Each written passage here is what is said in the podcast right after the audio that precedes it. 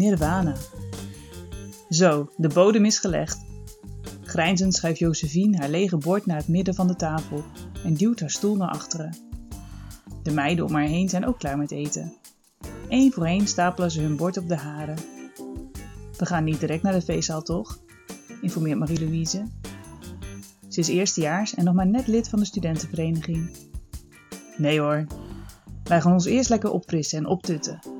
We willen er namelijk piekfijn uitzien op de borrel, want je weet nooit waar je terecht komt, antwoordt Josephine. Of met wie? grinnikt Stefanie. Marie-Louise glimlacht naar de beide ouderejaars. Ik ben reuze benieuwd. De studenten wandelen de eetzaal uit en verlaten Sociëteit Nirvana, de thuisbasis van de vereniging. Josephine slaat een arm om Marie-Louise heen. Ben je zenuwachtig voor je eerste borrel? Een beetje, maar dat is gezonde spanning. Ik heb er vooral heel veel zin in. Mooi zo, het komt echt wel goed. Josephine drukt haar even dicht tegen zich aan. Gehuld in korte jurkjes en hooggehakte laarzen stapt het drietal een paar uur later de sociëteit weer binnen. De feesthal is makkelijk te vinden. Het geluid van vrolijke stemmen en schaterend gelach komt hen al tegemoet. Marie-Louise kijkt haar ogen uit. Wat een prachtige ruimte. En wow, wat veel mannen. Stefanie buigt zich naar de eerstejaars toe. De vrouwen zijn altijd wat later, zegt ze. Kom, we gaan drinken.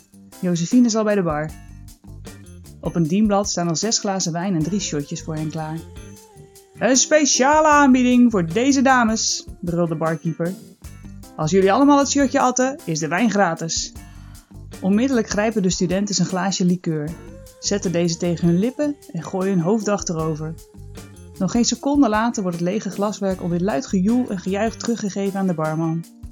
Stefanie grijpt brutaal naar zijn rode das en kust hem vol op zijn lippen. Bedankt, lekkere gallier. Josephine en Marie-Louise nemen het dienblad mee naar een van de vele tafels. Er staan hier meer studenten met een rode das. Allemaal galliers hier, vertelt Josephine. Van het mannendispuut, de galliers. Hoi! Marie-Louise steekt haar hand naar de heren op. Als ze direct daarna een nieuw wijntje van het dienblad pakt, wordt ze bedolven door afkeurende geluiden en wuivende wegwerpgebaren. Nee, nee, nee, nee. Ho, ho, ho. Zo makkelijk kom je daar niet mee weg. Binnen onze vereniging maak je persoonlijk kennis met iedereen. Marie-Louise kijkt hulpzoekend naar Josephine, maar vangt bot. Als eerstejaars is dat inderdaad wel gebruikelijk, zegt ze. Wie weet vloeit er nog iets leuks uit voort vanavond. En met een knipoog. Die galliërs zijn best wel knap hoor, trouwens. Marie-Louise laat zich niet kennen. Gewapend met een vol glas wijn gaat ze bij haar tafelgenoten langs. En daarna bij de tafels rondom haar tafel. Anderhalf uur, vele leuke gesprekken en minstens drie drankjes later is ze terug bij Josephine.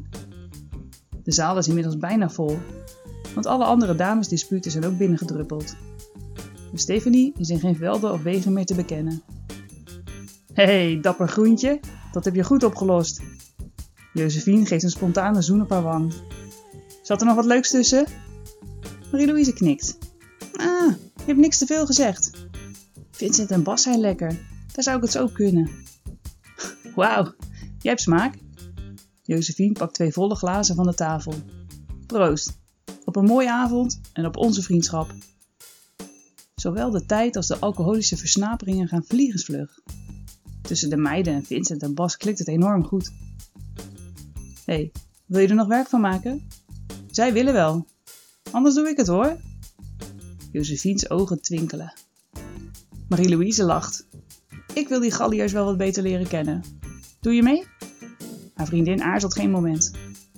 Ja, we slepen die twee hun dassen mee naar onze kamers. Josephine maakt al aanstalten om op de heren af te stappen, maar stopt abrupt als ze Marie-Louise vlak achter zich hoort. Of alleen naar mijn kamer. Er is plek genoeg voor vier. Heel langzaam draait Josephine zich om. Wauw, dat is een interessant voorstel. Houd je van een beetje kinky?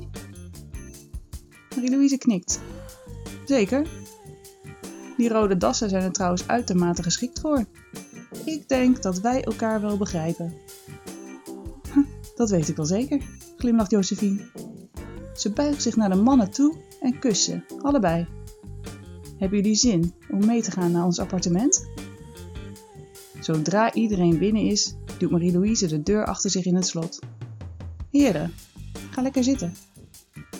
Bas en Vincent kijken om zich heen. Op het bed, graag. Wat gaan we doen? vraagt Bas. De dames kijken elkaar aan. Glimlachend ritsen ze elkaars jurk los. De gladde stof glijdt over hun heupen naar beneden.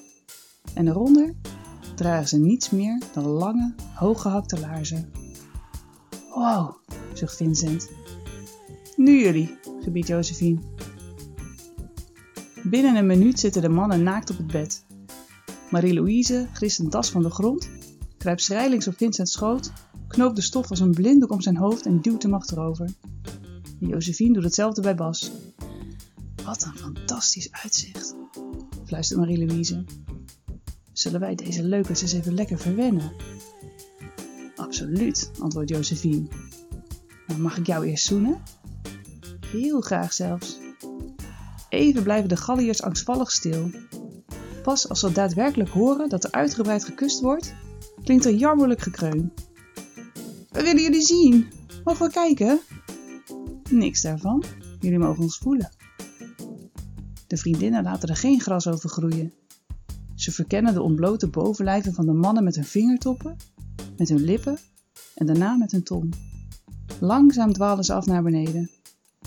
Marie-Louise laat haar hand op Vincent's erectie glijden. Wauw, hebt een goede pik zeg. Ze laat haar lippen over zijn eikel zakken en geeft druk met haar tong. Oeh, dit is lekker. Nu buigt ze zich naar voren en neemt zijn volledige erectie in haar mond. Tot aan zijn ballen en weer terug naar zijn eikel.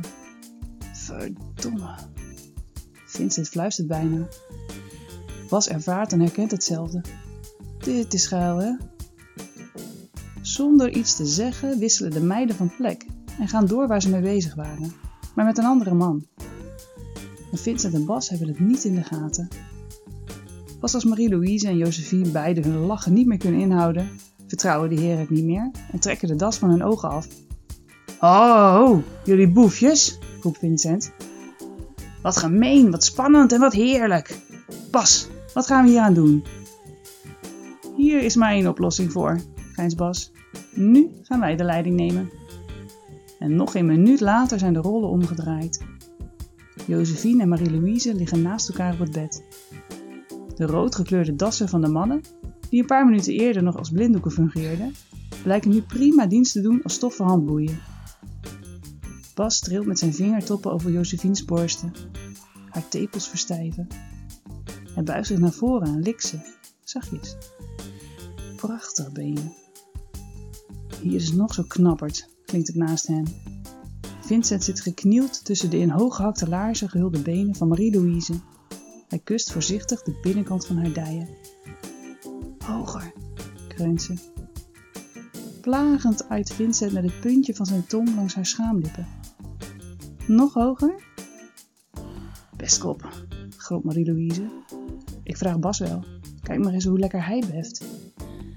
Vincent richt zich op, kruipt achter Marie-Louise en maakt haar handen los. Ze grist een doosje condooms onder haar kussen vandaan en geeft er eentje aan hem. Neuk me, ik word hier bloedgeil van. Dat is niet tegen de overmans oren gezegd. Hij vlijt zich dichter tegen haar aan en duwt voorzichtig zijn eikel tussen haar schaamlippen. Marie-Louise geeft tegendruk en laat zich over zijn volledige erectie zakken. Oh, je bent echt bloedgeil, constateert Vincent. Hij drukt het topje van zijn middelvinger op haar klitje, trekt haar dicht tegen zich aan en begint te stoten. Samen kijken ze hoe Josephine geniet van Bas. Hoe haar ademhaling steeds sneller gaat. Hoe haar gezicht vertrekt en haar lijf overdonderd wordt door een orgasme. En niet alleen bij haar. Tussen haar benen richt Bas zich op en spuit zijn zaad over haar buik. Oh, fuck, fuck.